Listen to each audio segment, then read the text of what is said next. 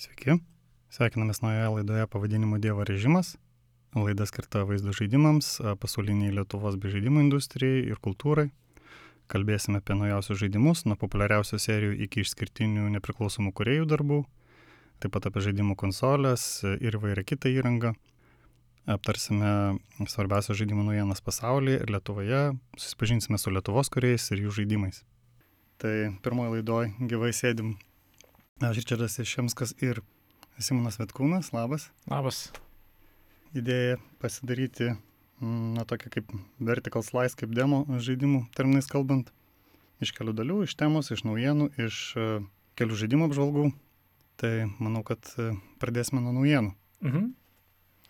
Taip, tai nežinau, ar verta dar minėti naujas konsolės, apie jas turbūt šiek tiek išsameu vėliau pokalbį su Artūru. Bet e, jei pereinant prie tokių labiau žaidimų industrijos, pačių žaidimų naujienų, tai, na, kai, kai aš ruošiausi šitai laidai ir, ir, ir planavau, apie ką galima pasišnekėti, tai iš tikrųjų mes planavom dviem dienom anksčiau ją įrašinėti.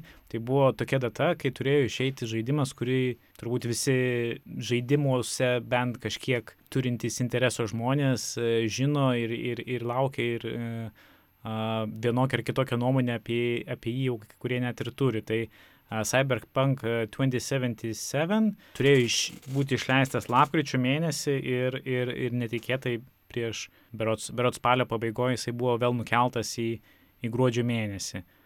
Tai, na, turbūt tas nukelimas nėra kažkoks labai jau didelis žingsnis. Kai... Nes jau čia buvo trečias ar ketvirtas nukelimas. Taip, taip, nukelimas buvo nebe pirmas, bet šis turbūt toks trumpiausias, vos, vos uh, trim su, su trupučiu savaitės tas žaidimas nusikėlė į ateitį, visiems visiem gan uh, netikėta buvo, kad taip uh, dar pritrūko vis to laiko, kuris jau ir taip buvo nukeltas, bet, na, nežinau, man, man pačiam tai norisi visokias galbūt konspiracijos teorijas čia netgi pradėti kurti ir galvoti, ar, ar, ar viskas gerai su tuo žaidimu, ar taip toks didelis ažiotažas galiausiai jo, jo nenugramsdins, jeigu, jeigu jau dabar žaidimo kuriejai vis dar dvėjoja tą gaiduką paspausti ir, ir, ir žaidimą išleisti. Aš nežinau, kokia tavo nuomonė apie tai. Šiaip iš tiesų, ar, ar nėra, kad nu, per, per daug kaip čia, per didelę atsakomybę apsijėmė, mm. per, per didelį iššūkį, nes, nu, iš tikrųjų, tai dabar, kadangi, na, ankstesnės kartos jau kaip ir paskutinis toks didelis žaidimas, daugiau kaip ir nieko nebeliko. Mhm. Viskas jau bus tolyn į ateitį. Ir, ir kai, nu, kai, kai pasaulis svarbiausias, laukiamiausias žaidimas yra vat, pas mus, pas kaimynus, pas Lenkus, taip, nu, CD Projekt jinai labai didelė studija, bet man atrodo, kad tiesiog per didelis spaudimas yra jam. Mhm. Nes, nes tie lūkesčiai yra antiek užkelti, kad jų šiaip neįmanoma realizuoti net ir išleidus idealų žaidimą. Ir plus ir iš finansinės pusės jie labai matyti yra įsispaudę, nes e, jų, jųgi pačios įmonės kaip akcijos, kaip vertė, jinai buvo tai tiek pakilus, kad buvo vienu metu net pati didžiausia Europoje, didesnė mm. už Ubisoftą. Mm. Tada buvo kaip apskritai kaip įmonė, gal ir dabar vis dar yra, mm. pati brangiausia Lenkijos įmonė, ten lenkiant visokias ten, nežinau, naftos perdirbimo ir ten dar kažkokius. Tai aš man atrodo, jiems ten yra toks uždėtas spaudimas, kad jie verčiau aukoja tą laiką ir E, gerbėjų, belaukiančių žaidėjų emocijas e, versus, nu, va ta va reakcija iš, iš, mm. iš rinkos, ta, kaip čia finansinį gal tą užtikrintumą, kad mm. geriau, tegu būna viskas, kuo įmanoma geriau su to pačiu išleidimu. Jo, ir iš, iš tikrųjų tai, ką tu pasakėjai, kad tas didžiulis ažiotažas, tai, na, aišku, laiko iki to išleidimo atrodo dabar liko vėl nebedaug ir, ir, ir galima būtų palaukti ir ne, ne, nespekuliuoti per daug ir ne, nekvestionuoti galbūt to žaidimo sėkmės iš anksto, bet jeigu taip šiuo momentu žiūrint iš istorinės perspektyvos, kiti žaidimai, kurie turėjo labai didelį ažiotažą prieš, prieš savo išleidimą ir kurie turėjo, pavyzdžiui, labai ilgą tą marketingo ciklą, kai pastoviai išeini nauji traileriai, reklamos, įvairūs pristatymai, trumpesnės, ilgesnės demo versijos. Tai tiem žaidimam po išleidimo dažniausiai būdavo gana sunku. Na, pavyzdžiui, aš čia turiu omeny No Man's Sky, kuris mm, labai smarkiai nudegė, kuris galiausiai kažkaip ir lyg ir, lyg ir išlipo, išlipo, nežinau, pilnesnis, pilnavertiškesnis, po kelių metų jau jie tą, tą žaidimą mm išpildė, bet, bet pirminė reakcija buvo labai žiauri iš... iš, iš tai kad ir su Destiny kažkas panašaus buvo, jis ten toks pus, mm. pustuštis išėjo. Taip, taip, tai aš ką turiu omeny, kad turbūt dažnai, kai, kai labai dideli lūkesčiai būna, visi įsivaizduojame kažkokį svajonių žaidimą ir tas uh, įsivaizdavimas, na, tiesiog negali vis, visų svajonės būti sudėtos į vieną žaidimą.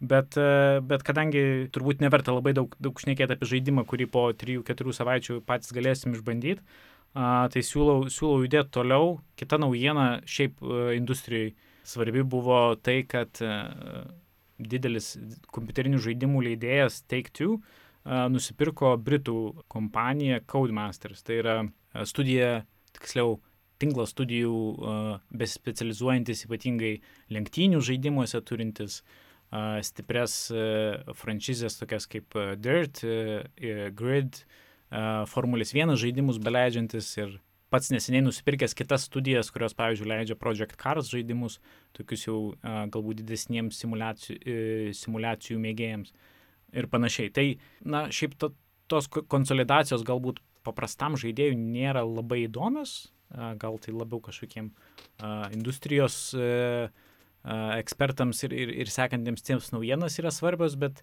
aš kodėl norėjau tą naujieną paminėti, nes mano nuomonė tai čia toksai yra galbūt platesnis netgi, netgi bruožas to, kas dabar vyksta, kai, kai dideli e, tarptautiniai e, gigantai, tokie kaip Take-Two ar Ubisoft ar, ar, ar, ar Microsoft, atveria savo piniginės ir pradeda darytis įvairių įvairių vidutinio dydžio studijų ar net ir didesnių tokių studijų, nes, nes Codemasteri tai buvo beveik už a, milijardą dolerių nusipirkti.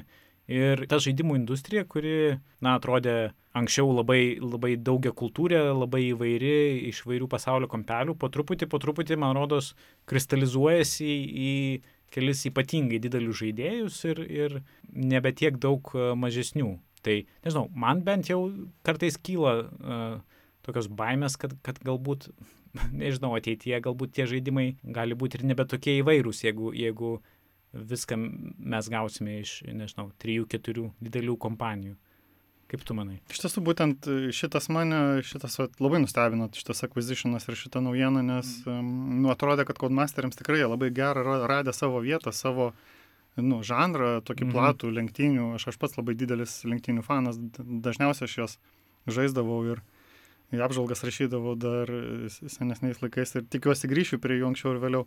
Ir man kažkaip būtent Codemasteri suteiktų portfelių man kažkaip sunkiai dera.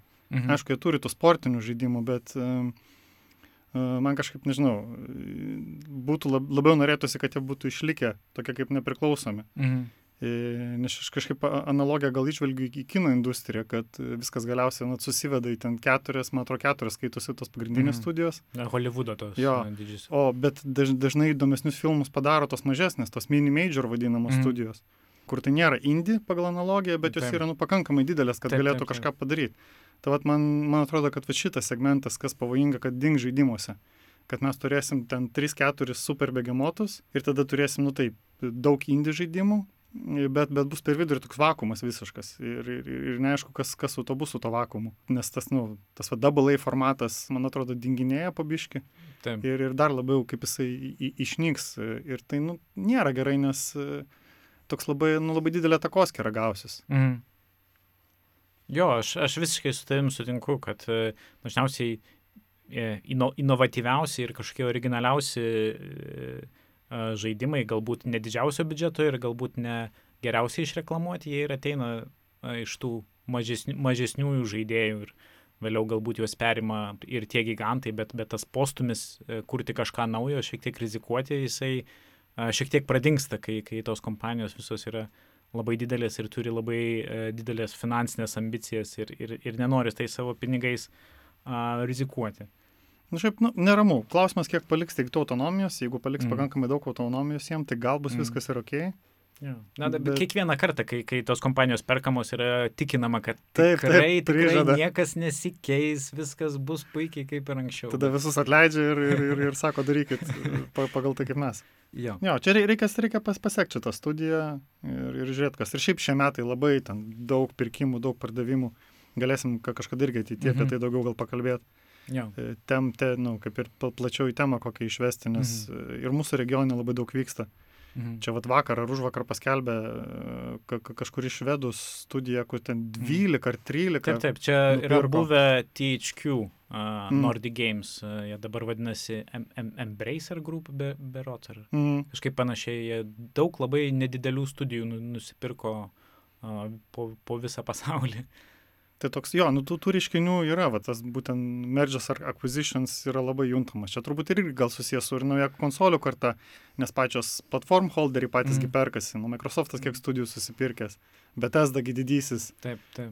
pirkimas, kiek už ten už 7 milijardus ar Taip. už 8. Sony gi irgi vis, vis, vis ten pasijungia tų studijų. Yra čia tas judesys, tai man atrodo, čia irgi tokia bus recurring, recurring tema. Jo, jo.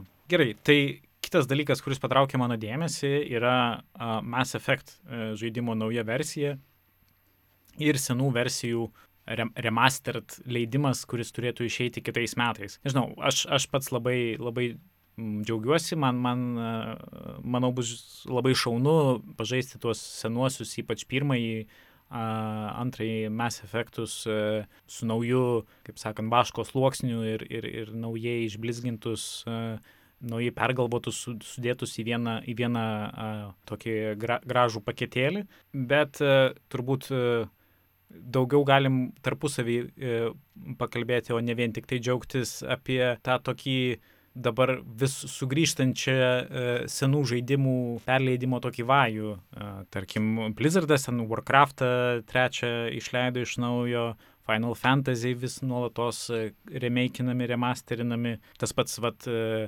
Demon Souls, apie kurį turbūt pakalbėsim su, su Artūru kiek vėliau, irgi po berots, berots 13 metų perdarytas. Aš nežinau, ar čia yra kažkoks naujas dalykas, ar galbūt visą laiką ta tokia kultūra perdaryti žaidimą buvo, tik tai aš jos nepastebėdavau, nes dar gal per jaunas būdavau. Geras klausimas. Aš kažkaip gal visai pozityviai šiuo atveju žiūrėčiau. Dėl to, kad su žaidimais, senesnių žaidimus yra kaip čia sunkiau atrasti ir sunkiau sužaisti naujom auditorijom. Vėl čia galima lyginti su filmais, kad nu, labai lengva seną filmą pasižiūrėti. Nieko, nu, nieko nereikia papildomai daryti. O va seną žaidimą sužaisti, jeigu ten yra ten 10-15 metų Mhm. senumo, sudėtinga pirmą nu, jį gauti, jį pasileisti. O antra, nu vis tiek tai vi- visas ir user sąsajos ir, ir valdymas, jis gali būti jau, nu, tiesiog ne, ne, ne, ne, nebepagausi tu jo kaip naujas žaidėjas, jeigu tu vat, ne, nesi įpratęs prie tų mm. senesnių, senesnių stilių žaidimo. Tai iš tos pusės aš gal žiūriu e, pozityviai. Tik tai vėl nusvarbu tas balansas, kad nu, ne, neužsižaistų visi ant, ant, ant tų senų perleidimų, kad mm. tai nesutrukdytų, kaip čia nesutrukdytų naujom idėjom ir neužgoštų. Mhm. E, Kas kol kas žaidimuose dar taip nesijaučia, nes kadangi nu, kiekis tų žaidimų yra toks milžiniškas, kad, e, man atrodo, pakankamai yra vietos ir tiem senesnių žaidimų perleidimam. Ypač vėl, nu, vėlgi kalbant apie naują konsolę, apie naujus servisus, Mhm. kas, na, kas be- bendrai turėtų platinti tą žaidėjų auditoriją. Mhm. Tai, tai gal, gal čia viskas ok šito atveju, jeigu, Mhm. jeigu jie nu neužsižais. Jo, kaip tik, kai pradėjai šneka apie naujas idėjas ir senų žaidimų perleidimą, tai kaip tik prieš laidą išėjo viena, viena naujiena, naujo žaidimo anonsas, kur dar net nei pavadinimo neaišku, nei žanro neaišku. Tai yra IO Interactive, Danų kom kompanija, žymiausia savo Hitman žaidimų serija, kurie dabar yra patys ir leidėjai to, to Hitmano žaidimų išsipirkę save iš, iš po Square Enix. Jie anonsavo, kad e, dirba su naujų žaidimų pagal Jameso Bondo licenciją Project 007. A, Bet, na, informacijos tai tiek ir tiek. Jie, jie kažką dirba, žodžiu, veiksmas vyksta, ieškom naujų darbuotojų, prisijungit prie mūsų, maždaug tokia to trailerio žinutė buvo. Bet, bet irgi tas Jameso Bondo ta franšizė turbūt irgi buvo vienas iš variantų, kai buvo galima pasimti kažkokius labai senus GoldenEye žaidimus, pabandyti juos remasterinti, bet e, dabar judama link visiškai naujo projekto su, su visai, visai e, kitu, kita studija. Jeigu anksčiau tuos Jameso Bondo žaidimus darydavo tokius labiau galbūt veiksmo orientuotus, tai dabar paimti IO Interactive, kurie yra ekspertai, na, tokio infiltracijos ir, ir tokios įtampos ir, ir tokio galbūt a, labiau psichologinio trilerio, kuris, man rodos, geriau tinka ta- tam James Bondui. Tai tiesiog toksai. Jo, šiaip turėtų tikti šitas formatas mm. Bondui. Aišku, įdomus toks laikas paskelbimo. Mm. E, jie matyti tikėjosi, kad jau bus tas naujas filmas išėjęs ir, ir ta dalis, ta Taip, dabartinė taip, taip. era, era pasibaigusi, o toks gaunasi dabar pe- per vidurį ir neaišku, kaip čia bus, ar tai kažkaip, bet, nu, turbūt jis nesisės su filmais, bet, e, bendrai dabar toks pakibęs klausimas, Mhm. kas, kas bus su Bondu toliau. Mhm. O kiek, kiek skaičiau, tai tas žaidimas turėtų būti Bondo origin story, ar ne, Bondo ištakos, Mm. ko, ko e, joks, e, man rodos, joks filmas niekad ir nėra rodęs, kaip Bondas. Biški ten jo paliečia spektrą, biški Jo. palietė, bet ten taip... e, Jo, jo, niekas į detalės gal ne, nesleidžia per daug. Tai irgi įdomu, kad jie kažkokią kitą, kitą dalį paima, ne, ne, nei filmai. Tai gerai, tai dar iš naujienų aš norėjau paminėti uh, Rioto uh, naują žaidimo trailerį. Riotas yra įdomus, aš manau, klausytojams, nes Lietuvoje ypač populiarus yra, yra League of Legends ir, ir, ir tikrai jisai turi daug gerbėjų. Tai Riotas ta kompanija, kuri atsakinga už, už League of Legends ir daugelį metų leido tik tai League of Legends ir, ir, ir nenuklyzdavo į šoną su, su kažkokiais kitais projektais, tai jie pastaruoju metu pradėjo pristatinėti, kurti ir jau leisti nau, e, naujas franšizės ir naujus žaidimus. Tai yra ir kortų žaidimas dabar jų katalogė, yra ir, e, kas ten dar, ai, e, Valorant, tai e, Counter-Strike, toksai galbūt konkurentas irgi. Tai jie dabar pristatė trailerį uh, Ruined uh, King, kuris turės uh, būti uh, single player RPG žaidimas. Tai yra visai kitas žanras, uh, negu jie yra įpratę. Ir toks galbūt mane tai nustebinęs toksai žingsnis kaip kompanija, kuri ilgus metus yra tame PvP uh, žaidėjas prie žaidėją uh, aplinkoj, uh, kaip ir subrendusi ir užaugusi, jinai nusprendžia ieškoti vat, kažkokių naujų auditorijų ir, ir panašiai. Nu, labai įdomu, kad į single player būtent eina, nes tai, kad Mhm. Valorant paskelbimas tai nelabai nustebino, ten daug kas tikėjosi, kad vat, jie bandys kažką tai, nes, nu, populiarumas ir Counter-Strike ir Blizzardo gi šitos šaudyklės Mhm. iškrito pavadinimas. Um, Overwatch. Taip, tai va ten kažkokį miksą, aš kaip suprantu, daro, bet Mhm. kad jo, kad single player tai labai įdomu. Mhm. Čia, aišku, mane, mane asmeniškai irgi nudžiungis, nes aš vis dar esu toks single player labiau Aha. izoliuotas, tai vat, e, labai įdomu, kas bus. O, o šiaip tai jo, nu, tai be bet kokia atveju ta įvairovė yra smagiau ir matyti patiems kuriem, nu, dirbant su dideliais projektais, turėti daugiau įvairovės yra Mhm. tokias kaip papildoma gal motivacija. Jo, jo, aš šiaip atsimenu, kad prieš gal kokius, uh, nežinau, gal dešimt metų buvo toksai naratyvas, kuris atsikartoja laiks nuo laiko, kad single player žaidimai, tai yra vieno žaidėjo žaidimai, yra toksai kaip ir gestanti niša, miršt, mirštanti žanras, visi, visi dabar yra multiplayer, e, ar, ar, ar tai būtų tie team-based e, kaip League of Legends, ar kažkokie e, Battle Royaliai ten, kurie užėmė pasaulį prieš, prieš keletą metų. Ir vis, vis yra kalbama ir kartojama, kad, na, single Vis player miršta ir jau yra, miršta. jau, yra, jau yra praeitis, jau reiktų žiūrėti į ateitį. Ir, ir, ir, bet, bet netgi tos studijos, kurios iš to gyvena, jos e, mato tame kažkokią prasme, mato kažkokį kūrybinį potencialą ir, e, nežinau, single player taip ir nemiršta. Tai gerai, tai gal apie daugienas Lietuvoje dabar šiek tiek. Mm, Taip, e, jo, čia tokia irgi gaunasi ir užsienio, ir Lietuvos naujiena perėjimui. Ir labai čia irgi nesenai kažkaip sužinojau ir, ir, ir pa- patikrinau, viskas tikrai veikia, kad e, peršokam biškai į mobilius, Mhm. kažkiek vis tiek skirsim dėmesio ir, ir mobiliam žaidimam, kad Google Play Pass pradėjo veikti Lietuvoje. Google Play Pass yra toks kaip, na, kaip Netflixas, e, kaip serijos servisas, e, kur gali žaisti premium mobilių žaidimus už mėnesinę kainą. 5 eurai per mėnesį ir arba 30, 30 per metus, penkiem šeimos nariam galima išskaidyti ir visai ten didelis tas katalogas, kaž, kažkuris ten website suskaičiavo, kad apie 600 netgi žaidimų yra. E, Tarp jų yra vat, keli tokie didesni vardai, kaip iš, iš tų mokamų žaidimų, kaip Limbo, Monument Valley 2, This War of Mine, va šitą vis laik norėjau ant planšetės pažaisti, Mhm. bus proga turbūt pasiimti. Mhm. Kotoras netgi, užsirašęs va dar Forgotten An, e, kaip įdomu labai žaidimą, nes buvo kuriejas į Lietuvą atvažiavęs. Mhm. Tai jeigu vat, kas, na, žai, žaidžiat kaž, kažkiek bent jau su mobiliais, tai gal visai į, įdomi idėja, kad, ta prasme, kad, nu, to tokiu atveju gauni pilnus žaidimus be jokių reklamų, be jokių free-to-play sprendimų, Mhm. tiesiog pa- pa- pasiemi ir žaidži už 5 uh, eurus ir dar duodi 5 žmonėm. Toks gal visai geras dylas, įdomu, įdomu kaip čia susisuks. Mhm. Tada perinant jau prie visai lie- lietuviškų naujienų, tai didžiausia, didžiausia yra per, per visus jau kanalus e, praėjusi, kad e, Wargaming, e, Baltarusijos didelė studija World of Tanks ir World of Warships, kurie nusprendė vis tik tai atidaryti ofisą Vilniuje. Jie jau senai apie tai galvojo, bet žinant dabartinę situaciją, matytas vienai per kitaip pagreitino turbūt tą sprendimą. Tai e, paskelbė, kad kitų metų pradžioje bandys atsidaryti. Neaišku tiksliai, koks bus formatas, kiek žmonių, kiek, kiek jie žada perkelti iš, iš kitų padalinių ir kiek samdyti čia vietoje, bet, bet kokiu atveju tai bus na, tikrai labai didelis įvykis Lietuvo žaidimo industrijai ir smarkiai gali padidinti tiek na, nu, žmonių kiekį joje dirbantį, tiek e, bendrai na, tokį svorį. Mhm. Ir e, na, žinomumą kartu, nes nu, vis tiek Varvar Gaming tai yra nu, pasaulinio lygio. E, milžiniška studija su tam 5000, man atrodo, žmonių. Tai bus labai įdomu pasižiūrėti, kaip čia viskas vyks, mhm. kiek, kiek jie, na, kiek turės įtakos bendrai visam kitam, visai kitai situacijai.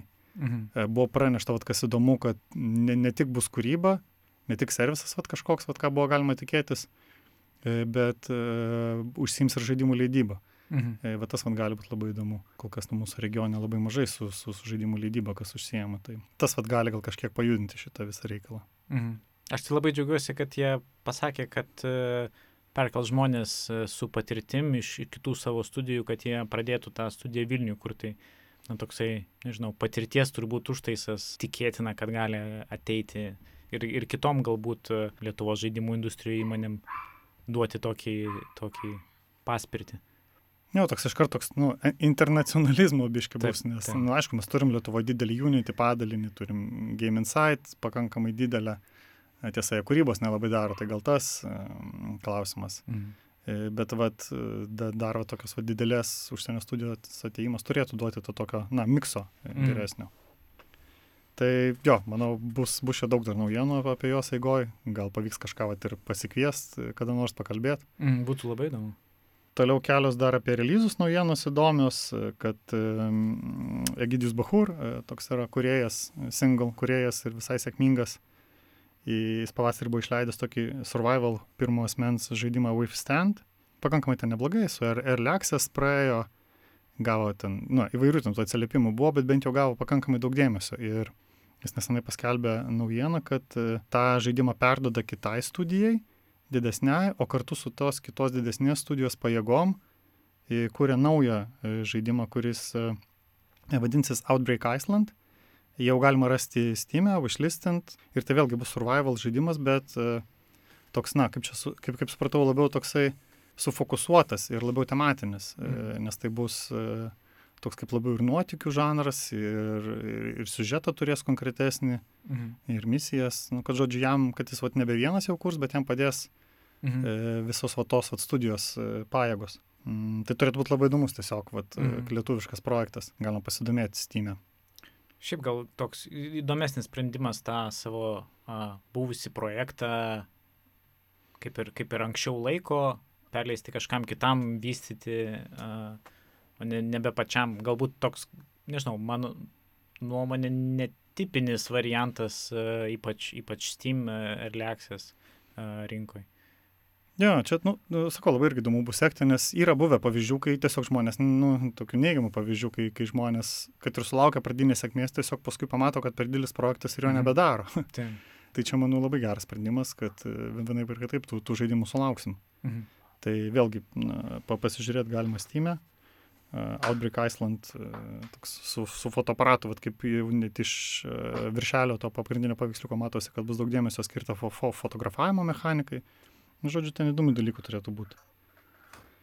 Tada dar iš, iš releizų, čia jau kelias mėnesius sukasi šitą naujieną, bet tiesiog išleistas ir traileris, daugiau informacijos jau galima surasti, kad Nordcurrent studija lietuviška, kuri daug metų dirbo su mobiliais žaidimais, E, bandys žengti irgi į PC rinką ir išleis e, žaidimą Ocean's Heart, kurį kūrė e, irgi, kaip suprantu, single, single kuriejas Max Mraz. Ir jisai, kiek, kiek skaičiau, suspėjo sulaukti tokio visai neblogo dėmesio, nes jisai išleido tokį kaip Bloodborne, Bloodborne ir klasikinės Zeldos stiliaus žaidimą Yarntown ir, ir visai apie jį daug parašė medija. Ir jo, vat, būtent tas Ocean's Heart naujas žaidimas, jis irgi toks yra, na, klasikinis, e, nežinau, kaip čia vadinti, 16 bitų, mm. Tos va tokios, nu, klasikinių tų tokių RPG, Zelda. Jo, visiškai neslepintis to, kad e, Zelda yra inspiracijos šaltinis numeris vienas.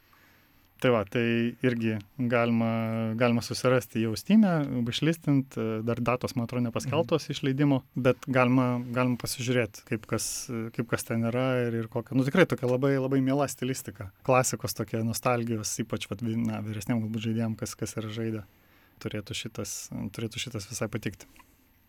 Tai šį kartą tiek naujienų, e, perėsime po pertraukėlės prie pagrindinės, na, kaip ir naujienos, apie kurią kalbėsime su mm, žaidimo entuziastu Artūru Rumensavu, tai yra PlayStation 5 startas ir pirmieji įspūdžiai. Labas, Artūrai. Labas, labas. Kaip pirmieji įspūdžiai, koks jausmas? Kiek jau laiko turi tą PlayStation? Turbūt turiu aš jau jį porą savaičių, gal tris savaitės Tai aišku, smagu man jį turėti, bet čia turbūt labai svarbu yra tai, kad aš visą gyvenimą buvau PlayStation fanas, tai jeigu aš vertinčiau šitą visą įvykį iš PlayStation fano pozicijų, tai aišku, aš labai laimingas tuo, kad jį turiu ir tuo, koks jisai yra. bet, bet šiaip, nu, čia šiandien tokia yra įdomi diena, kad uh, ta prekyba PlayStation'u prasidėjo uh, ir visi demonstratyviai jo nebeprekiauja, nes jo nebėra tai aš įsivaizduoju, kad nu, daugelis žmonių turi prastas emocijas, ypač šiandien Lietuvoje. Visas Facebookas, net ir mano privatus paštas ir Facebook, aš niekaip nesusijęs nei su Sony, nei su PlayStation, bet mano privatus paštas ir messengeris netyla. Visi turi labai daug klausimų, kodėl jie negavo, kodėl jų užsakymas atšauktas, nes praktiškai visi retaileriai sugebėjo priimti daugiau užsakymų, negu turėjo renginių. Visi kažką įskaudino ir nuvylė, nepristatydami šiandien prekės, tai tas startas jis toks yra, taip, nauja karta prasidėjo, bet ko gero dar porą savaičių mes daugiau girdėsim urzgimo ir nepasitenkinimo negu kažkokių įspūdžių. Bet tai turbūt šitų istorijų žaidimų industrijoje aplinkoje ir šiaip pastaruoju metu nemažai buvo. Tai ir, ir Nvidia PC naujas grafinis kortas e, pristačiusi, iš karto jas visas išpardavė ir dabar, kiek girdėjau, ir AMD lygiai toj pačioj situacijoje ir, ir, ir tų pačių Sony konkurentas Xbox'as irgi jiem ten ne, ne, ne per daug laisvų, laisvų tų vienetų žaidimų konsolės savo naujos turi. Tai nežinau, kaip, tu, pavyzdžiui, Artūrai, manai čia su kuo susijęs, su kažkokiais gamybos trūkumais ar tiesiog toks ažiotažas milžiniškas šiuo metu yra? Aš manau, kad tai yra samplaika mažiausiai trijų dalykų. Faktas, kad kiekvienos naujos kartos konsolės startas, jisai yra žiotažinis dalykas ir paprastai būdavo ten pirmą dieną gauti tą konsolę sunku. Na, nu, aišku, priklauso nuo to, kur tu gyveni, kokioje parduotuvėje apsipirkinėjai, bet trečią PlayStation įsigyti buvo beproto sunku, antrą PlayStation įsigyti buvo pakankamai sunku, bet jeigu taip grįžti į Lietuvą ir nu, per daug nenukrypti į globalę, a, a, nu, į globales temas, tai su Lietuva seniau problema būdavo ta, kad a, iš esmės konsolės neturėjo atstovavimo Lietuvoje, a, nei viena iš jų. Sony konsolės į Lietuvą buvo teigiamos tokios subdistribucijos principų, kai a, yra distributorius, kuris tiekia produktą į šalį, bet neoficialiai, ne Sony kanalais. Tai yra kažkoks tai Sony partneris, tai šiuo atveju buvo estų kompanija, kuri užsimė tikimu. Bet jie realiai operavo skandinavų sandėliais. Kas reiškia, kad jeigu įvyksta konsolės startas, tai visi renginiai atvažiuoja visų pirma į Skandinavijos kažkokią tai šalį ir ten padaromas alokacijos vietiniam prekybos centram. Ir jau kas atlieka nuo jų, būna alokuojama siuntimai į Baltijos šalis, kur vėlgi seniau dėl to, kad ypač su trečia, praėjusiam kartom, kadangi Lietuva, nu, nors ir didesnė iš tų trijų Baltijos šalių, bet piratavimas pas mus buvo labiau pažengęs ir daugiau žmonių žaidė, bet daugiau ir piratavo, tai dažniausiai didesnis kiekis tų prekių ar žaidimų ar konsolių, nesvarbu, starto dieną nusėsdavo Estijoje, paskui pasiskirsidavo po Latviją ir Lietuvą tai seniau tie iššūkiai buvo biškai kitokie, bet dabar nuo trečios, nuo, nuo, nuo ketvirto PlayStation'o, tai irgi starto metu jo buvo labai sunku gauti, irgi ten gal prisimenat, bet buvo žiotažas, buvo aukcionai, man atrodo, už 2,5 tūkstančio eurų buvo parduota pirma konsolė Lietuvoje. Bet paskui po kurio laiko viskas susitvarkė. E, Sony oficialiai Lietuva kaip šalį, į kurią teikiamas produktas fizinis, ne paslaugos online PSN, kurios neteikiamos iki šiol dar, bet fiziškai produktai ir garantija tiem produktam bei garantinis aptarnavimas buvo tiekiami a, maždaug prabėgus pusiai metų nuo PlayStation 4 starto. Kažkas tai startas irgi vyko panašiu metu kaip dabar, o, o Lietuva buvo įtraukta į tą šalių sąrašą balandžio mėnesį ar kovo mėnesį kažkas tokio, kitais metais, po pusmečio maždaug.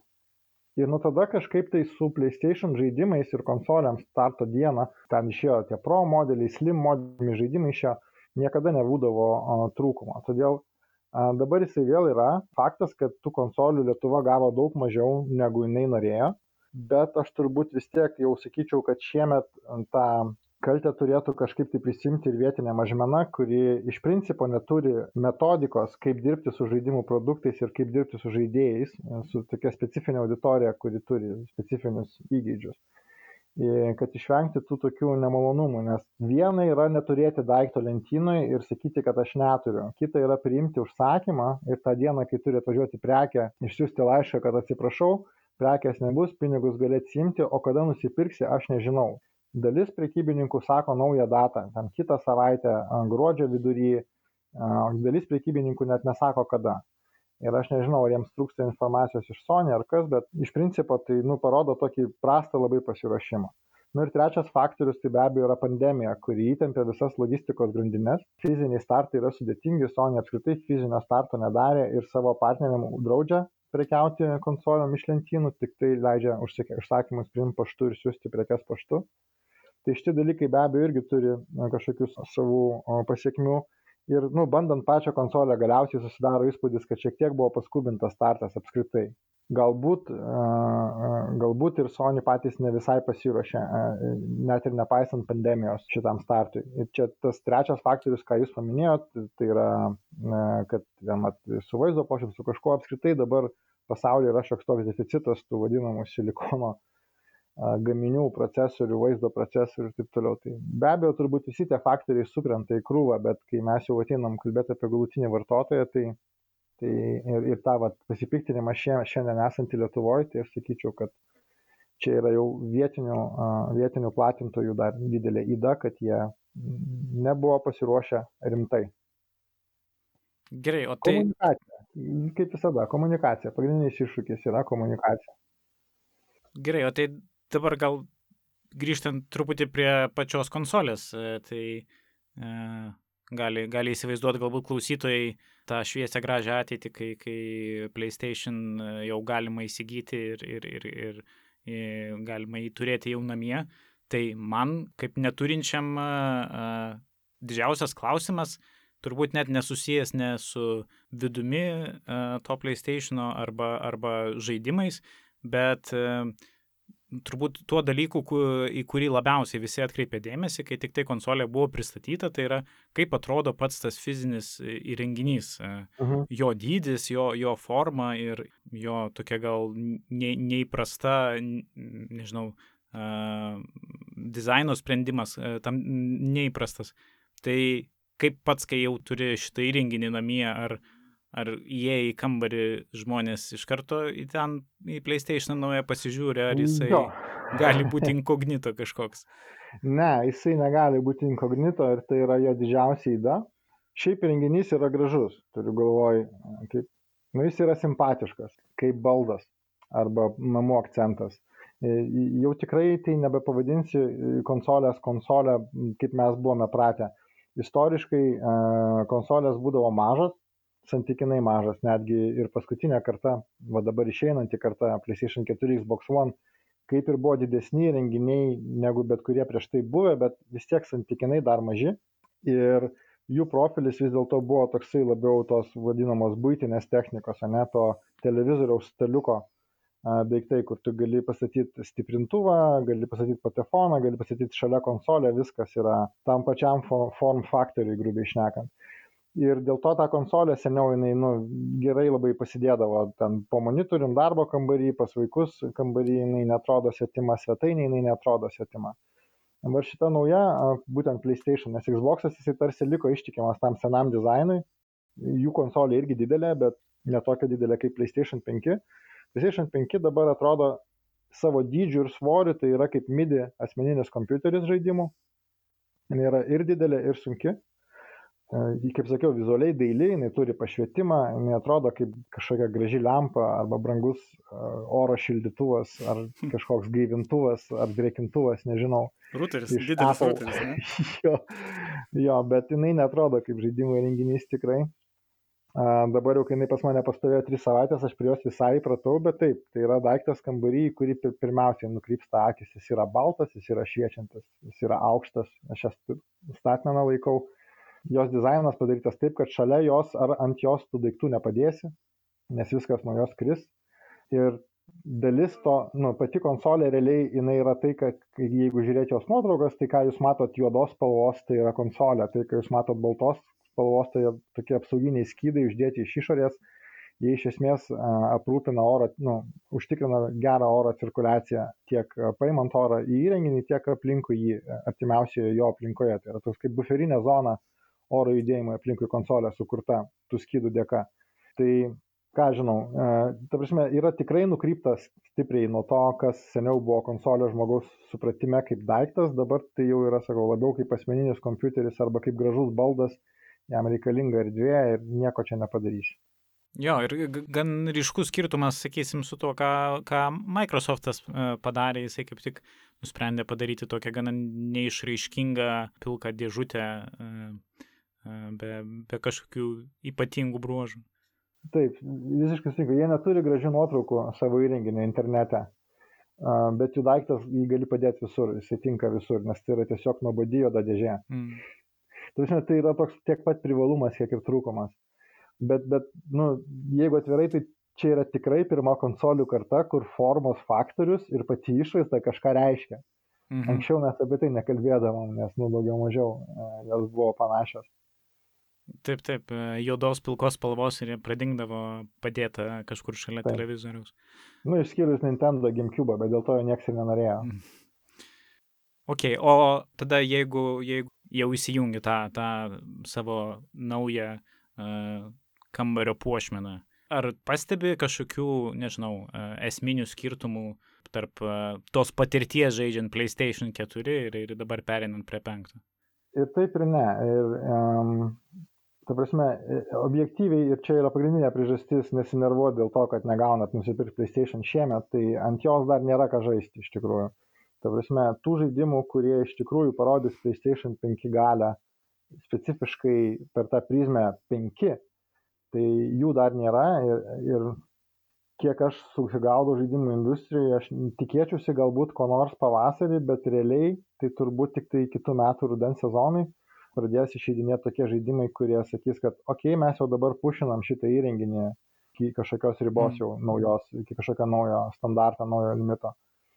Bet šiandien dienai tie žaidimai, nu, jie atrodo, be abejo, atrodo geriau negu ant PlayStation 4, ryškiau, giliau, raiškiau, visai ten, aišku, ten, nu, aš dabar žaidžiau Spider-Maną, vienintelis turbūt žaidimas, ant kurio kažkas jaučiasi, bet jis vis tiek yra praeitos kartos palikimas bet ten demonstruoja jie patys YouTube'ai labiau ten tą RTX ir atspindžius naujus, tai tas New Yorkas, kai visas veidrodinis, ten iš tikrųjų su atspindžiais fantastika, kas darosi, bet žaidimas yra tiek dinamiškas, kad realiai čia yra dalykas, kurį tu gali tyrinėti nežaisdamas, nu, tipo, užlipti ant lango ar prabėgti pro policijos automobilį ir pasižiūrėti savo atspindėjimą. Bet žaisdamas tu tokiu greičiu nešiesi per tą miestą, kad, nu, tie visi uh, apšvietimo elementai ir atspindžių elementai, jie, nu, tokie uh, nu, tu jų per daug nevertini. Tu vertini tai, kad viskas vyksta sklandžiai, kad kadrų kaita nekrenta, kad žaidimas įsikrauna akimirksniu. Dabar sakau, kad kaip PlayStation fanas aš jaučiuosi labai patenkintas dėl to, kad nu, tų žaidimų, kurie stumtų jau konsolę link galimybių ribos, iš principo per metus išeina labai nedaug. Daugiau žaidimų dabar jau bando atsiskleisti būtent per žaidimą, per savo kūrybinius sprendimus, per meninės stiliaus pasirinkimus ir, ir ta, nu, jau grina įrenginio gale galbūt nėra toks svarbus grojantis faktorius, kiek svarbus yra potyriai. Ir vad kalbant per potyrių prizmę, tai tikrai jaučiasi kai kur žingsniai į sekančią kartą.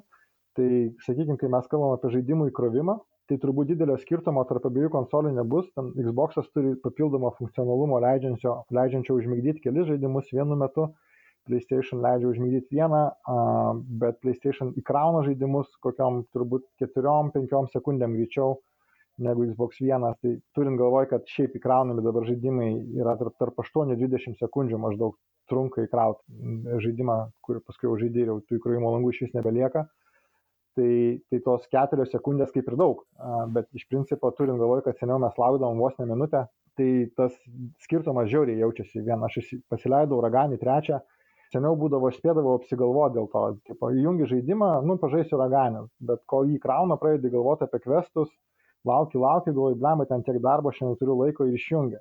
O, o dabar įsirašiau tą patį žaidimą ir seivus iš senos konsolės į naują įjungi žaidimą, paspaudi play, 10 sekundžių, viskas žaidė. Tai aišku, kad yra labai smagus įspūdis, uh, nu, nuo zilitono laikų tokius dalykus gali prisiminti, kai įdedi diskelį ir žaidė. Tai tas beproto džiugina. Ir, na, aišku, ryškiausias skirtumas tarp konkurentų čia bus pulteliai, nes uh, Sony turi tą DualSense naują pultelį, uh, internetas jau kraustosi dėl jo iš proto uh, ir aš irgi. Ta prasme, tai yra kažkas tokio. Tas haptic feedbackas ir adaptive triggeriai žaismui, jeigu kuriejai mokės tai išnaudoti, tai yra naujas ligmuo potyrių žaidimuose, kai atsiranda, ta prasme, iš tikrųjų su žaidimu pas tavę fizinis kontaktas ir yra tam fiziniam kontaktui netgi kažkoks tai gylis. Kai, kaip aš sakau, tu lietaus lašus jauti ir pirštų galais, bet ir ant pakaušio. Ant tiek gerai viskas yra padaryta. Tai Tai čia viskas, e, viskas, kaip suprantu, eina per tą Astro ne, žaidimą, tai, kuris, galima sakyti, jo, kaip ir ekskluzyvas dabar Astro vienintelis. Jisai parodo keliais sluoksniais, bet uh, mano favoritas šiuo metu be abejo yra Call of Duty, kur uh, triggeris yra gaidukas ir jisai kiekvienam ginklui uh, veikia kitaip, stengdamas irgi šiek tiek atkartoti to ginklo specifiką. Tai reiškia, kad jeigu tu paliksi žaidime nustatymus, kaip nustato kuriejai, šaudant sunkiuoju kulkosūdžiu, kokiu nors RPD, pultelį lankose reikės laikyti, ta prasme tvirtai laikyti, lyg laikai kulkosvaidį. Jisai tikrai daužys tą pirštą, atakmantos bet. Nori šokti iš rankų? Gaidukas pats labiau per pirštą nori daužyti. Bet, nu, tu gauni tuos signalus ir tu, nu, tavo tie judesiai irgi jie šiek tiek, tu į tai reaguoji, kad tau sunkiau įspausti mygtuką, sunkiau reikia pasistengti, jis taip lengvai nesispaudžia, priklausomai nuo ginklo ten. Tos mirusios zonos skiriasi, pavyzdžiui, kokiam nors ten pistoletui, yra labai nedidelė mirusi zona, kurią, kur tu įspaudi ir nieko nevyksta, o paskui jau iššauna. Snaiperio ginklų yra daug gilesnė, kad tu galėtum įspaus gaiduką, bet prieš pat nuspausdamas sustot ir paskui tvirčiau paspaus, nesujudindamas pultelio, nesujudindamas taikiklio. Tai, tai čia yra kitas pjūvis, dar neteko bandyti jokio vairavimo žaidimo. Spider-Man'e irgi labai nedaug, kur tas yra pritaikyta, bet Little Big Planet, tas naujasis Sackboys Big Adventure irgi labai išnaudoja šitas visas feedbacko savybės. Ir visi žaidimai iki vieno dabar labai agresyviai naudoja pultelio speakerį, garsiakalbį esantį ant jo. Dažniausiai, pavyzdžiui, jeigu tu bėgi gatvė ir perbėgi per stiklus, tai tu girdėsi ir iš televizoriaus ar kolonėlių savo žingsnius ir kai tu užlipi ant stiklų, bet būtent tą stiklų užlipimo momentą tu išgirsi ir iš garsiakalbio pultelėje. Žaidžiant be ausinių susiformuoja tam tikras 3D pojūtis, užtaisinėjant ginklus, renkant deimančiukus, turėti tą vadinamą sound cue čia pat prie tavęs yra labai smagu. Tai buvo ir su PlayStation 4 įmanoma daryti ir kai kurie žaidimai tai darė, bet taip kukliai, o va dabar kiek žaidimų žaidžiau ant PlayStation 5, turbūt kokius 5 bendroj sumoj, tai visi turi kažką tai ant to garsiakalbio. Tai tas pultelis tikrai tampa centru naujų potyrių. O kaip jo patogumas, ar labai skiriasi nuo ankstesnio, nes kaip ir dydis jo, jo didesnis? Šiek tiek didesnis, bet iš tikrųjų jisai nuotraukose atrodo tarsi jisai būtų paveldėjęs Xbox form factorių ir tai mane šiek tiek trikdė dėl to, kad aš, nu, aš šiaip turiu ir tų, ir tų pultelių pilną namuose ir žaidžiu dažnai su abiem, bet, kaip sakant, aš esu PlayStation native playeris, labiau įpratęs prie jų formos, kuri nesikeitė daugiau ir mažiau praktiškai nuo pat pirmos konsolės. Jau visą mano gyvenimą, grubiai išnekant, nesikeitė. Tai va, o, o, o dabar atrodė iš nuotraukų, kad jau bus lygiai ir Xbox pultelis, kas atrodė suprantama dėl to, kad jeigu šiaip vertinti pultelių pasirinkimo tendenciją, asmeninio kompiuterio žaidėjai irgi labiau mėgsta Xbox faktorių negu PlayStation faktorių, tai atrodė, kad normalu, kad PlayStation į tą pusę irgi bandys eiti, bet kai tu jį paimi į rankas, paaiškėja, kad gal dėl spalvos ar dėl formos tas įspūdis susidaro toks apgaulingas, bet realiai jisai turi tą jo centrinė dalis yra šiek tiek platesnė ir šiek tiek ilgesnė negu buvo, bet kai tu jį paimi į rankas, jis į delnus atgula taip pat kaip bet kuris kitas PlayStation pultelis, nesukelia trikdžių jokių, nereikia mokytis jo laikyti iš naujo. O viršutiniai krypčių mygtukai ir tie, tie veiksmo mygtukai, jie kadangi permatomi, ar, ar skiriasi pati, nu, pats pojūtis? Nežinau, galvoju, kad naujiem žaidėjim gali būti iššūkių dėl to, kai jie nepratę ir jiems galbūt reikėtų pasižiūrėti žaidžiant. Jie iš principo dabar yra kietesni, man taip atrodo žaidžiant. Jie yra kietesni ir, ir, ir, ir juos netaip smagu spausti, kaip buvo bet tai yra labai nu, minimalus skirtumas, kurį aš išjaučiu tiek žaisdamas, tiek, tarkim, tiesiog paėmęs du pultelius, vieną seną, vieną naują. Bet, nu, aš šitos mygtukus nežiūriu niekada, tai man kaip ir vienodai rodo, kokios jos spalvos ir kaip jie atrodo. Bet gali būti, kad naujiems žaidėjams šiek tiek pradžioj gaunant ekrane komandas bus šiek tiek sunkiau, nes nelieka ir tos spalvinės žymėjimas. Seniau tu matai, matydavai ekrane, tarkim, žalę trikampį, kad tau reikia spausti ir tas žalias trikampis labai ryškiai matydavosi ant pultelio, tai dabar nu, to nėra, bet, bet aš nemanau, kad tai bus kažkoks. Tie pulteliai iš principo jau tampa tokie, nu, tie mygtukai krypčių ir, ir, ir, ir, ir vadinamieji veiksmo mygtukai, tie keturi, jie tampa tokia atgyvena jau ir pačiuose žaidimuose viskas labiau keliasi į triggerius ir analogų kabinasi, tai turbūt dėl to jie leido savo padizaininti kažką įdomesnio. O ką dar minėjai, kad kiek penkis žaidimus išbandėjai, ką dar iš, iš ar jau visus suminėjai? Tikrai stipriau įkirtau ir įkabinau uh, Sackboy Adventure, uh, Astro Boy ir Spider-Man. Uh, biškai pabėgiojau su Bugsnax, bet jis toks tikrai yra irgi praeitos kartos žaidimas, tik išleistas naujai kartai, labiausiai dėl to, kad išnaudoja DualSense uh, pultelę savybės ir Demon Souls be abejo. Ha, Demon Souls, e, buvo komentaras būtent dėl to Demon Souls ir, ir krovimuose, kad dinksta didelė dalis patirties Demon Souls, nes iškart po mirties atgimsti, o nereikia laukti loadingo ilgai labai. Ne, Kaip tau tas?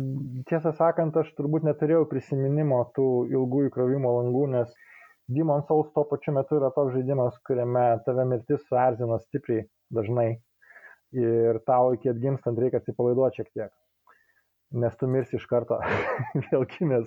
Tu negali žaisti tą žaidimą įsitempęs, jisai ne, nesuderinamas yra su erzeliu. Tu turi būti labai ramus ir tikslus. Tai sakyčiau, kad aš dažniausiai miręs numetu pultelį ir vis tiek nainu parūkyti. vis tiek pertrauka gaunasi. O kaip ar jautėsi skirtumas nuo to jo, ankstesnio? Turėtų šiaip jaustis. Labai smagu yra, kad jie, aišku, jį remasterino, nu, kaip aš sakau, oriai, ta prasme, kai jisai vizualiai yra, aišku, irgi šimtą kartų gražesnis negu buvo, bet jisai yra inline, prasme, jis atitinka pilnai tai, ką tu atsimeni, ne? Tavo smegenis, taip sakant, tu žaidėjai prieš kažkiek aštuonis ar kiek čia tų metų tą pirmą žaidimą ir tu jį iki šiol prisimeni galvoje ir jisai atrodo taip, kaip tu jį matai ant penktos konsolės dabar nors be, be abejo viskas yra šimtą kartų gražiau negu buvo. Tai tas nu, turi tą tokį šiltą, jaukų namų jausmą. Tu jautiesi grįžęs namo, tikrai jisai sukelia labai nu, geras emocijas. Bet yra šiokių tokių patobulinimų, iš tikrųjų tai specifiškai valdymo srityje jisai yra šiek tiek tikslesnis. Ir aš net nežinau, ar tai yra turbūt galbūt miksas darbo tiek kuriejų, tiek ir to naujo pultelio, nes tie naujieji analogai, jie šiek tiek standesni, jie šiek tiek labiau suvaldomi yra. Ta prasme, kas liečia atsargius tikslius judesius, kai ten tam žaidime tau reikia dažnai lipti dideliai, nu, aklinoj tamsoj vos ne, lipti laiptais į kokį bokštą į viršų, ten tas sklysteli kažkur tai koja, ar ten neatsargus judesys, tu nukrenti ir tu pražai, pralaimi žaidimą iš karto. Tai tokie dalykai svarbus yra atsitraukimas nuo priešo atakos, blokai, vadinami sidestepai, rolai viskas atrodo, kad yra šiek tiek tiksliau, labiau prognozuojama, aš taip jaučiuosi. Man visą laiką tas Demon Souls ypač e, mane šiek tiek erzino, kad uh, užkilus azartui šiek tiek sunku būdavo prognozuoti savo veikėjo veiksmus, uh, nes truko, truko tikslumo perteikiant mano norus į žaidimą. Tai dabar, dabar jisai ten tebėra dar klaidų šitoj sferoje, ypač su kamera, bet bet iš principo jisai jaučiasi daug labiau prilipęs prie rankų, daug efektyviau tos priešus gali sudoroti. Va, o, o, o šiaip tai dar, nu, galiu grįžti prie pačios pradžios, dar Tai, nu, tai jungus konsolė yra du dalykai, yra vartotojo sąsaja ir yra žaidimai. Tai su vartotojo sąsaja Sony tam padirbėjo tikrai nuoširdžiai. Man patinka, kad jie iš tikrųjų pasiemė iš, iš Xbox'o gerų idėjų, kurios buvo ant Xbox One konsolės, o tos sąsajos ir ten nelabai galbūt iki galo išdirbtos ir veikia, tai Sony ištobulino tuos elementus. Um, tai reiškia, kad dabar, kai tu žaidži žaidimą ir išeini į tą vadinamą overlėjų, paspaudi PlayStation mygtuką ir iššoki į papildomą meniu virš žaidimo. Jame yra daug papildomo funkcionalumo ir um, leidžia tau sekti achievementus, leidžia sekti misijų progresą ir ten daug tokių pridaryta prediktinių uh, pranaši, pranašyšių tokių, kaip pavyzdžiui, tu esi žaidimo lygyje ir jeigu tu uh, turi, tarkim, padaryti pauzę ir kažkur tai eiti, uh, tu išėjęs į tą meniu, tu gali pamatyti, kad tau liko iki žaidimo lygio grubiai 3 minutės iki žaidimo lygio pabaigos. Tai tu gali nuspręsti, ar tu nori tęsti toliau, ar tu, ar tu dabar užpausinti žaidimą. Jeigu tu užstringi kažkur tai specifiniai kažkokio žaidimo vietoje, išėjęs į tą meniu, jeigu turi PlayStation Plus paskirtą, gan dažnai gali rasti kuriejų paliktus video.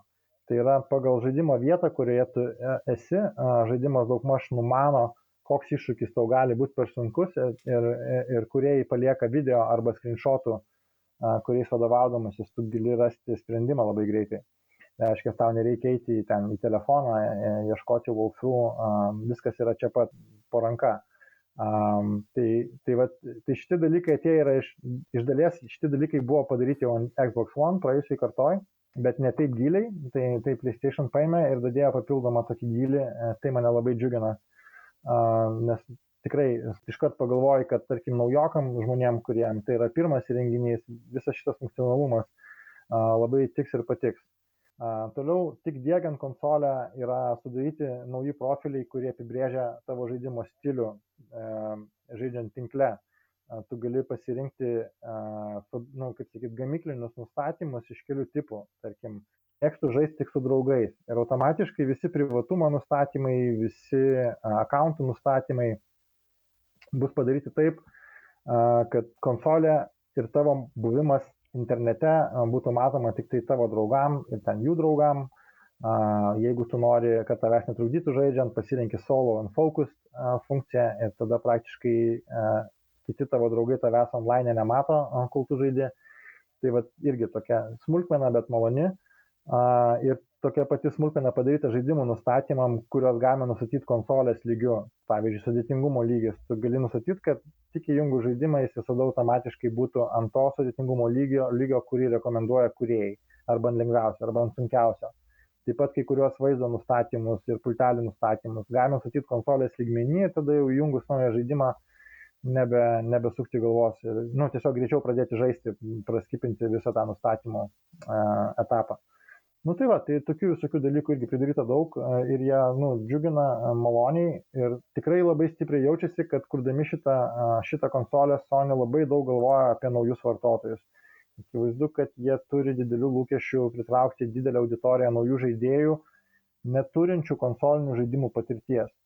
Ir manau, dėl to ir ta PlayStation Plus kolekcija yra išleista, kur tik nusipirkęs PlayStation 5 iš karto gauni 20 žaidimų. Tai yra geriausi iš geriausių praeitos kartos žaidimų. Ir tai yra šimtai valandų nemokamo turinio. Realiai, taip kalbant apie tą, jeigu tai yra šeimininis įrenginys šeimai, pramogai pirmas įrenginys, tai metus laiko galima nepirkti jokių žaidimų iš vis. Naudotis to, kas yra konsoliai nemokamai suteikiama. Nu, aišku, turint PlayStation Plus prenumeratą be abejo, šalia to. Tai pabaigai labiau rekomendacija būtų naujiem žaidėjim jį pirkti, o kaip, kaip tie, kurie turi PS Pro? Ne, ne aš, sakyčiau, kad, aš sakyčiau, kad konsolių, konsolių žaidėjai, nu, iš principo, jie turbūt yra skirstomi į tris tipus, ne? Yra fanboy, tai yra žmonės, kurie visą laiką žaidžia su to, su to paties gamintojo konsolė, ne? PlayStation arba Xbox stovyklos. Ten yra žmonės, kurių tu neperkalbėsi keisti stovyklos pusės, nepaisant kokios kokybės yra renginys tai fanbojai bus patenkinti šito įrenginio. Nepaisant to, kad jie negauna naujų žaidimų, jie gauna iš Sony pažadą, kad jų žaidimų dizainas per daug nesikeis per pirmus žaidimus ir per pirmą tą vadinamą kolekciją, kurią, kurią tu gauni su įrenginiu ant starto dieną. ten yra tas pažadas, kad Sony žaidimų dizaino metodika, religija, Talmudas e, yra intact ir, ir jie toliau gamins tokius žaidimus, kaip gamino iki šiol, kad jeigu tu esi su tą įmonę dėl jų žaidimų ir dėl to kaip, kaip atmosferos, tai viskas liks taip kaip buvę, bet įrenginys yra geresnis, greitesnis, patogesnis vartoti. Todėl fanai nusipirkę neturės priežasčių nervintis. Ir nauji, visiškai nauji vartotojai lygiai taip pat a, paskubėję nusipirkti šiemet nenusivils, nes jiems turbūt neverta pirkti praeitos kartos įrenginio. Čia vienas turėtų atvejų, kai nors yra nauja karta, kuriai nėra naujų žaidimų, jai yra tiek senų žaidimų pakankamai, kad tu gali, nu, tau neverta pirkti senos kartos įrenginio dabar, jeigu tai yra pirmas įrenginys. Bet tiem, kurie labiau mėgsta žaisti naujausius žaidimus, tiesiog ir, ir kurie tiesiog nu, žaidžia tam AAA segmente, ne, viską, kas išeina iš Electronic Arts, iš Take-Two, iš Ubisoft ir taip toliau. Vat jiems, ko gero, nėra labai didelio poreikio uh, verstis per galvą ir išsirinkti Xbox arba PlayStation šiemet, o išsirinkus ir pirkti šiemet. Greičiausiai būtų protinga palaukti bent jau kitą pavasario, kad žinoti, kur tu eisi, nes tie žmonės dažniausiai eina paskui žaidimus. Ir ta prasme, jeigu jie a, nėra užtikrinti, kad jie nori žaisti Sony žaidimus, tai reiktų dar palaukti, kaip baigsis tie įsigijimai, kokie žaidimai vis dėlto ant kokių konsolių išeis, kaip veiks crossplay funkcionalumas su asmeniniu kompiuteriu populiariausiose žaidimuose. Daug šitų dalykų dar nėra iki galo aiškus, yra kažkokios projekcijos, prognozijos, bet būtent šitiem vadinamiem core gameriam, power playeriam, kurie a, nėra lojalūs kažkuriai stovyklai, bet labiau lojalūs naujausiam žaidimam, tai yra vienintelė auditorija, kuriai šiaip kol kas nėra ką pasiūlyti. Mhm. Nu ką, puikus patarimas, e, lauksim bet kokiu atveju naujienų. Manau, prie šitos temos dar grįšim e, ateityje ne kartą. Tai dėkui labai, kalbėjom su Artūru Rumencevu, žurnalistu, žaidimų entuziastu, kuriejų ir, ir visą kitą. Pasimatysim mm, artimiausiose laidose. Ačiū. Jums leidus aš atgal į boletariją. Iki. Iki. Iki.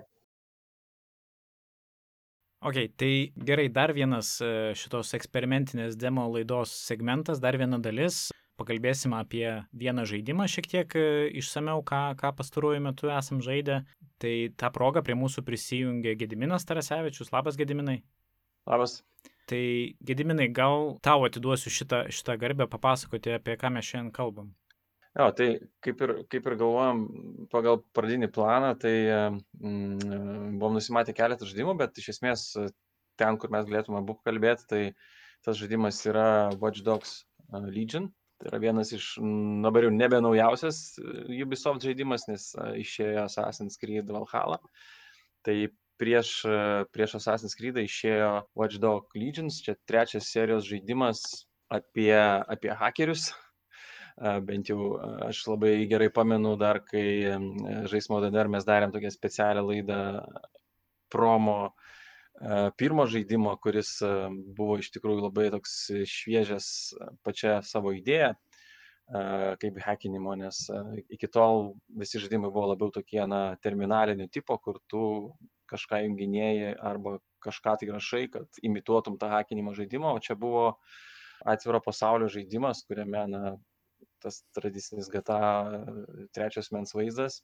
Ir tu turėjai kontrolę miesto, kontrolę, tarkim, transporto priemonių ir, ir tas pirmas žaidimas buvo, na, jis galbūt ne visiškai atitiko visų lūkesčius, bet hypas buvo realus. Ir, ir man asmeniškai atrodo, kad su trečiu žaidimu, su Dogs Legion, jiems pagaliau pavyko įgyvendinti tą viziją, kurią jie turėjo su pirmu žaidimu aišku per visą tą procesą ten šiek tiek keitėsi, nes man atrodo pirmus žaidimus gamino Montrealio studija Ubisofto, šį gamino Toronto, na bet aišku, ta pati Kanada ir klausimas yra, na, kiek dar studijų tame dalyvavo iš tikrųjų. Mhm. Tai Tai va, tai aš nežinau, mes galim pakalbėti galbūt apie tokius esminės išskirtinės savybės, lyginant su kitais serijos žaidimais, bet jeigu taip trumpai, tai Watch Dogs serijoje tu esi, na, toks kontrkultūros atstovas, einantis prieš konservatyvę pasaulio santvarką, prieš,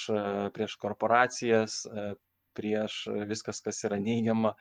E, ir, ir tu atstovauji organizacijai, na, kuri, kuri bando naujų technologijų pagalba ir galbūt netgi tam tikros amžiaus grupės pagalba, bent jau, pavyzdžiui, kalbant apie antrą serijos žaidimą, kur veiksmas vyko Sietle ir, ir labai toks millennials arba netgi Z kartos žaidimas su, su, su, visu, su visais to atributais, tai va, Legion jau šiek tiek eina į kitą pusę, bet iš esmės žaidimas susideda iš to, kad na, tau reikia vadovaujantis, naudojantis įvairiom žaidimo mechanikom, kurių didžiąją dalį sudaro tam tikrų įrenginių, ta kontrolė, tam tikrų prietaisų kontrolė. Ir per šitas mechanikas, na, tau reikia įvykdyti tam tikras misijas, kurios dedasi į didelį tokį konspiracinį paveikslą, kurio tikslas yra, na, pakeisti na, pasaulio tvarką. Ir Watch Dogs Legion startinis taškas, nes veiksmas vyksta jau šiek tiek į ateitį, lyginant su praėjusiais žaidimais, jau šiek tiek futuristinis, bet tai nėra labai tolima ateitis ir kalba, kalba eina apie, apie na, veiksmas vyksta Europoje, Londone ir visas žaidimas prasideda nuo um, užminuoto, užminuoto parlamento ir um, intro sekcijos na, dalyje žaidimo paaiškėja, kad užminuota daug daugiau vietų Londone ir tam tikros vietos, na, tau kaip pagrindiniam veikėjui tuo metu, nes čia vėlgi kalbėsim galbūt prie ta, tos ypatingos savybės, e, toj intro dalyje, tau kaip pagrindiniam veikėjui nepavyksta sustabdyti ir e, įvyksta sprogimai. Ir, na, pasaulis, galima sakyti, apsiverčia, na, tu, tu kaip žaidėjas ateini į tokį, na, tabula rasa situaciją, kai, kai viskas išsivalo, e, organizacija, kuriai tu atstovauji, organizacija DCEC, ji kaip ir nebeegzistuoja arba egzistuoja, bet labai sudėtingom, sudėtingom sąlygomis. Ir, ir čia mums pristatoma iš esmės pagrindinė savybė išskirianti, tarkim, nuo ankstesnių serijos žaidimų. E, ir ta savybė yra ta, kad žaidime tu esi iš esmės bet kas. Tai didelis atviras pasaulis, e, labai autentiškai atkurtas Londonas ir jame gyvenantis žmonės, tai kaip ir ankstesnėse žaidimuose, tu gali valdydamas personažą e, per savo telefoną e, nuhakinti arba sužinoti informaciją apie kitą, apie asmenį, kuris eina, virtualų asmenį, kuris eina gatvėje, sužinoti, ką jis veikia, bet kartu tu turi ir galimybę asmenį tą prijungti prie savo organizacijos įvykdžius tam specialią misiją. Ir po to jau tu kaip žaidėjas gali kontroliuoti tą personažą, tai yra naudotis jo tam tikrom ypatingom savybėm, tam tikrais na, gebėjimais, tam tikrų uh, inventoriumi, jeigu taip galima pasakyti. Ir, uh, ir dėl to uh, nebėra tokio pagrindinio protagonisto, su kuriuo galima tapatintis, uh, kurį visą žaidimą valdai iš esmės, tu valdai visus miesto gyventojus kurie prisijungia prie DCEC organizacijos. Jo, čia turbūt pirmiausiai nustebinantis dalykas tą žaidimą įsijungiant, ką tu paminėjai, kad nėra pagrindinio protagonisto, tai net ant žaidimo viršelio yra pavaizduotas veikėjas užsimaskavęs keulės kaukę, nes, nes iš esmės žaidime kažkokio ikoniško veido, kažkokio vienodo visiems žaidimą žaidžiančiams žaidėjams e, veikėjo, veikėjo nėra ir kiekvienas, kiekvienas kuria tą savo istoriją kaip ir atskirą ir individualią būtent savo. Tai aišku, galima kalbėti apie tai iš, iš, iš mechaninės pusės, kiek tai sėkminga, kiek tai ne, kiek tai įdomu, bet, na, bent jau iš tokio, na, nu, sakykime, marketingo požiūrio neturėti pagrindinio veikėjo visai, na, nežinau, man tai pasirodė labai įdomu ir drąsu. Tai čia e, dabar, aišku, žiūrint retrospektyviai į apžvalgas, kad tai ir pripažįsta, tarkim, apžvalgininkai kaip vieną iš, iš minusų. Bet kartu galima prisiminti Ubisoft Reflections, čia UK jų studijos žaidimą Driver ir konkrečiai Driver San Francisco. Mm, taip, taip. Jo, ir ten, ir ten iš esmės, galim sakyti, na, tikriausiai tai, ką mes turime Legion žaidime, tai buvo tam, tikrais, tam tikrų būdų mutavo iš to žaidimo, nes ten situacija buvo tokia, kad na, tavo pagrindinis personažas yra paniręs į komą ir tu turi tą tokį realio žvilgsnį ir tu gali e, žaidimo pasaulyje vėlgi persikūninti į bet kokį, bet kokį na, automobilį, na, vairuotojo automobilio. Nes ten buvo, na, vairavimo žaidimas, labiau akcentuojama būtent į, į vairavimo pusę, bet, bet tai buvo va, tas pirmas Ubisoft pabandymas va, turėti didelį pasaulį ir turėti pasaulį, kuriame, na, žaidėjas tiesiog tam mygtuko paspaudimu šokinėja iš vieno na, personažo į kitą personažą. Ir man atrodo ir su tam, tik, tam tikros nuotrupos, aišku, šitos technologijos ir šito sprendimo nubirėjo ir į Assassin's Creed serijas, mm. ir visas kitas serijas. Ir, ir nes nu, Ubisoftas, vat, visi, visi jie, tų, tie open worldai, jie labai, atrodo, glaudžiai tas technologijas dalinasi ir labai tvarkingai eina prie kažko tai, prie kažkokių tai tokių sprendimų, kurie kartu ir įprasmintų tai kaip kažkokį tai išskirtinį dalyką, e, lyginant, tarkim, su, su konkurentų žaidimais. Mhm.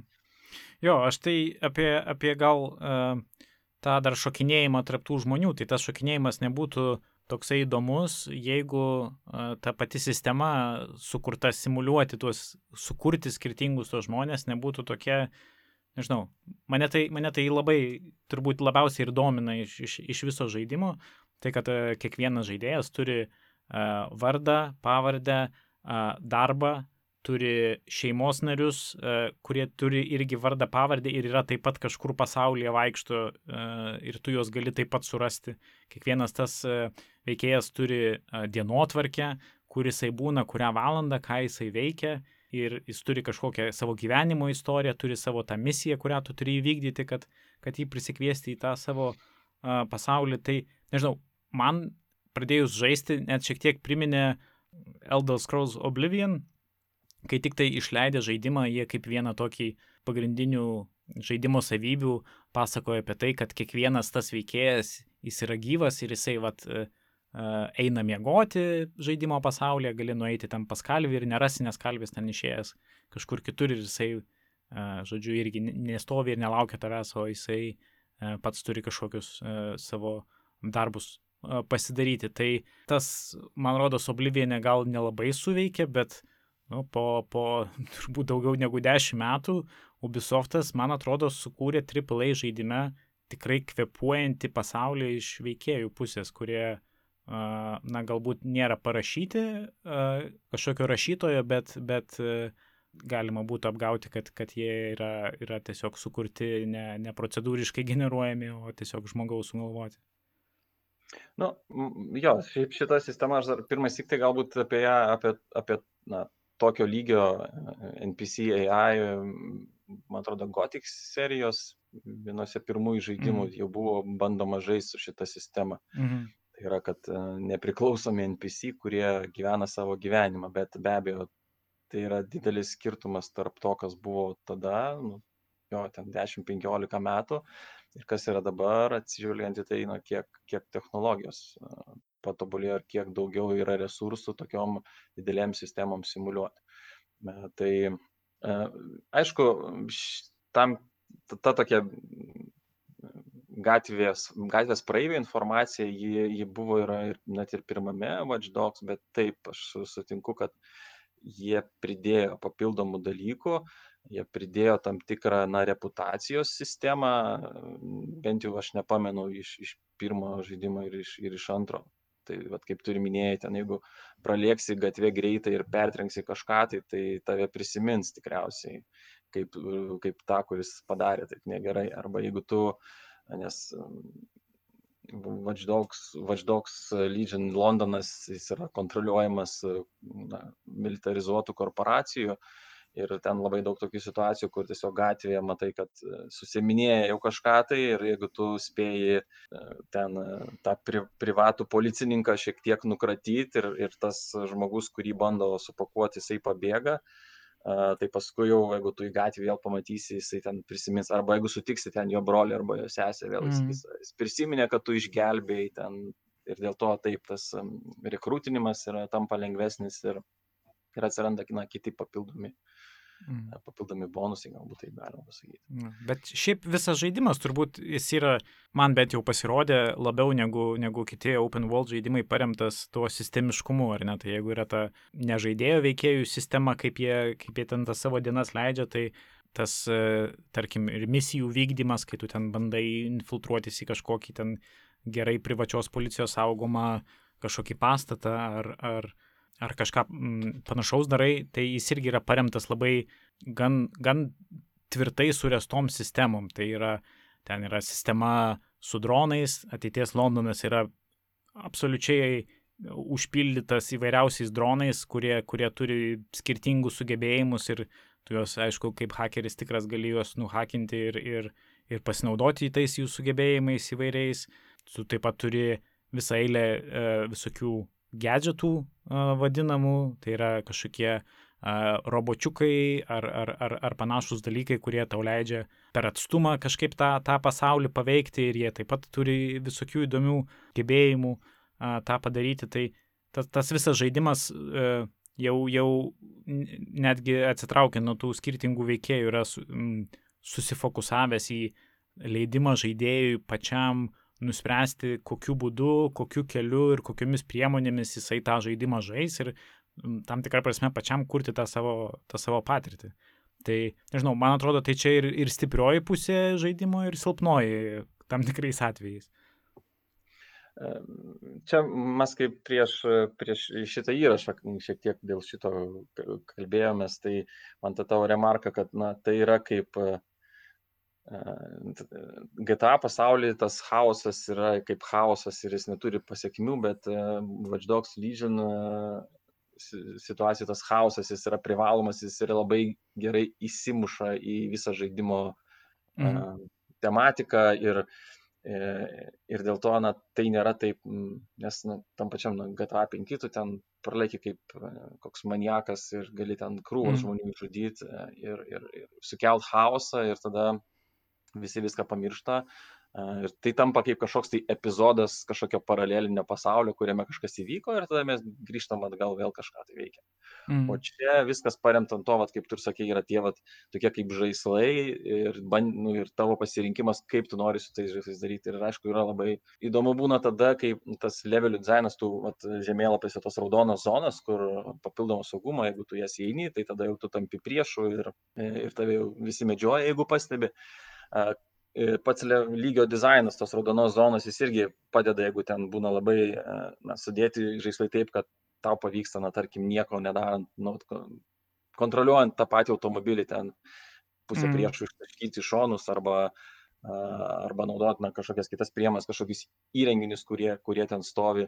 Bet čia ja, prieš, prieš tai dar keletą pasižiūrėjau video apžvalgų, ten iš tokių žinomesnių vakarų apžvalgininkų, tai kalbant apie tos gadgetus, tai labai akcentavo, kad tas um, voro, voro gadgetas yra mm. labai overpowered ir su juo iš esmės gali visus dalykus išspręsti, kas yra tiesa, bet vėlgi, jeigu ten žaidėjo tikslas yra tiesiog praeiti, netame yra e, džiaugsmas iš tikrųjų žaisti šitą žaidimą, netame, kad tu praeisi misijas ir išnarpliusi ten tą naratyvą jo ar kažkas tai tokio, bet visas džiaugsmas yra tame, kad tu uh, bandai vat, kurti tą chaosą toj situacijai. Mm. Ir tai, kad tai yra hakinimo žaidimas, tai tas chaosas kūriamas tam tikroji, tam tokiam saugumo burbulė, nes dažniausiai tu iš vis pasislėpęs kur nors už kampo, per kažkokius kelius hakus da keliauji iki tos vietos, kuria, nu, iki to įrenginio ar, ar kažko, ką tu naudosi to chaoso kūrimui, kuris tave atvestų į galutinį tikslą. Ir, ir tai toksai, na, toks, na, žinau, kaip, kaip žiūrėjimas iš viršaus, vat, mes sudėjom šitos dalykus, čia kaip e, sudėtum į kažkokį gyvūnų fightą arba tarakonų kokį fightą, kad sumeta yeah. ir kažkas tai ten vyksta. Kar, kartu ir tu į tą vat, tokią e, žaidėjas kaip į tokią dievo poziciją įeina. Mhm. Nors ganėtinai tokio prie žemės dievo. Nu, kartu aišku tai, kad jeigu tavo personažas, kurį kontroliuoji, uh, E, būna pagaunamas arba nušaunamas, jisai truputį arba patenka į kalėjimą, arba atgula, mm, ne, bet kuriu atveju. Jis iš tavęs likviduojamas trumpam laikui. E, žaidime be abejo, be, be abejo dar yra permadeath modas, kur tie personažai, kuriuos jau sučiumpa, pagauna, tai jie jau ir, ir miršta, tipo, bet, bet žaidžiant paprastų režimų, tai jie tiesiog ten valandai, pusvalandžiui išsijungia iš tavo personažų sąrašo. Jo, aš tai galbūt šitoje vietoje norėčiau pastebėti, kad tas permadev, kuris šiaip, kai tik žaidimas buvo anonsuotas, jis gana buvo taip uh, akcentuojamas ir pabrėžiamas ir tai buvo gal net visai keista, kad uh, AAA didelės studijos žaidimas naudoja uh, tą permadeath mechaniką iš, iš, iš labiau indie žaidimų, iš rauglaikų atėjusią. Bet e, iš tikrųjų, kai pradedi tą žaidimą žaisti, tai dėl tų priežasčių, kurias mes ką tik aptarėm, dėl to, kad jis yra toksai sistemiškas, kad turi tą robotą voriuką, kuris e, moka viską padaryti už tave per atstumą ir, ir, ir tu tiesiog kaip veikėjas sėdi gana toli ir, ir jokiam pavojui kartais net ir neatsiduri, dėl to, kad tavo visi, visi tie veikėjai, kurie, kuriuos tu, na, pritrauki dirbti DedSec tai organizacijai, kur, už kuriuos tu pats kontroliuoji, jie visi, nepaisant to, kad prieš penkias minutės jie buvo kokie nors pagal, pagal profesiją ten uh, tatuiruotojai arba uh, social media influenceriai ar, ar dar kažkokios ateities specialybės, jie visi yra puikūs hakeriai, visi tojais robotukais moka naudotis, tai, na, bent jau uh, man galiausiai tapo aišku, kad nors ir gali žaisti už bet ką tame ateities Londone, kaip ir nelabai yra svarbu, už kurį tu žaidėją žaidži, nes visi, visi jie moka tas, tą patį chaosą kurti ir taip pat e, iš e, situacijų gana gudriai išsisukti. Na, su tam tikrom išlygom, bet, bet na, Tai tas, tas permadev e, režimas irgi toksai, na, šiek tiek nublanksta. Na. Jo, ten e, tos išlygos tokios įdomios, ten tų personažų, kai kurių savybės, ten netgi, vat, e, kad gali bet kada numirti personažas arba gadina orą, nu, ta prasme, vat, jeigu tu valdai personažą, kuris turi perksą, kad jisai kartais pagadina orą, tai aišku, stealth režimu veikiant tas garso šaltinis jisai pritrauks priešą. Tai va ten tokių uh, visokių ir tokių, na, jo, ne tai kad jokingų, bet nu, to komiško aspekto turinčių mm. dalykų, tų perksų, bet, bet iš esmės tai, nu, tas, tas rinkinys, jo, aš sutinku, kad visi tampa vienodi ir galiausiai ten, ką žinau, išvaizda galbūt, jeigu kažkam yra svarbu, nes tu negali kažkokios turėti kustomizacijos savo personažo, net plaukų mm. negali pasikeisti, tai jeigu tu jau nori kažkaip tai specifiškai atrodyti, tai tau tiesiog reikia susirasti personažą, kuris vaikšto gatvėje, kuris tau patinka ir jį pasirekrūtint, mm. kad jį galėtum kontroliuoti.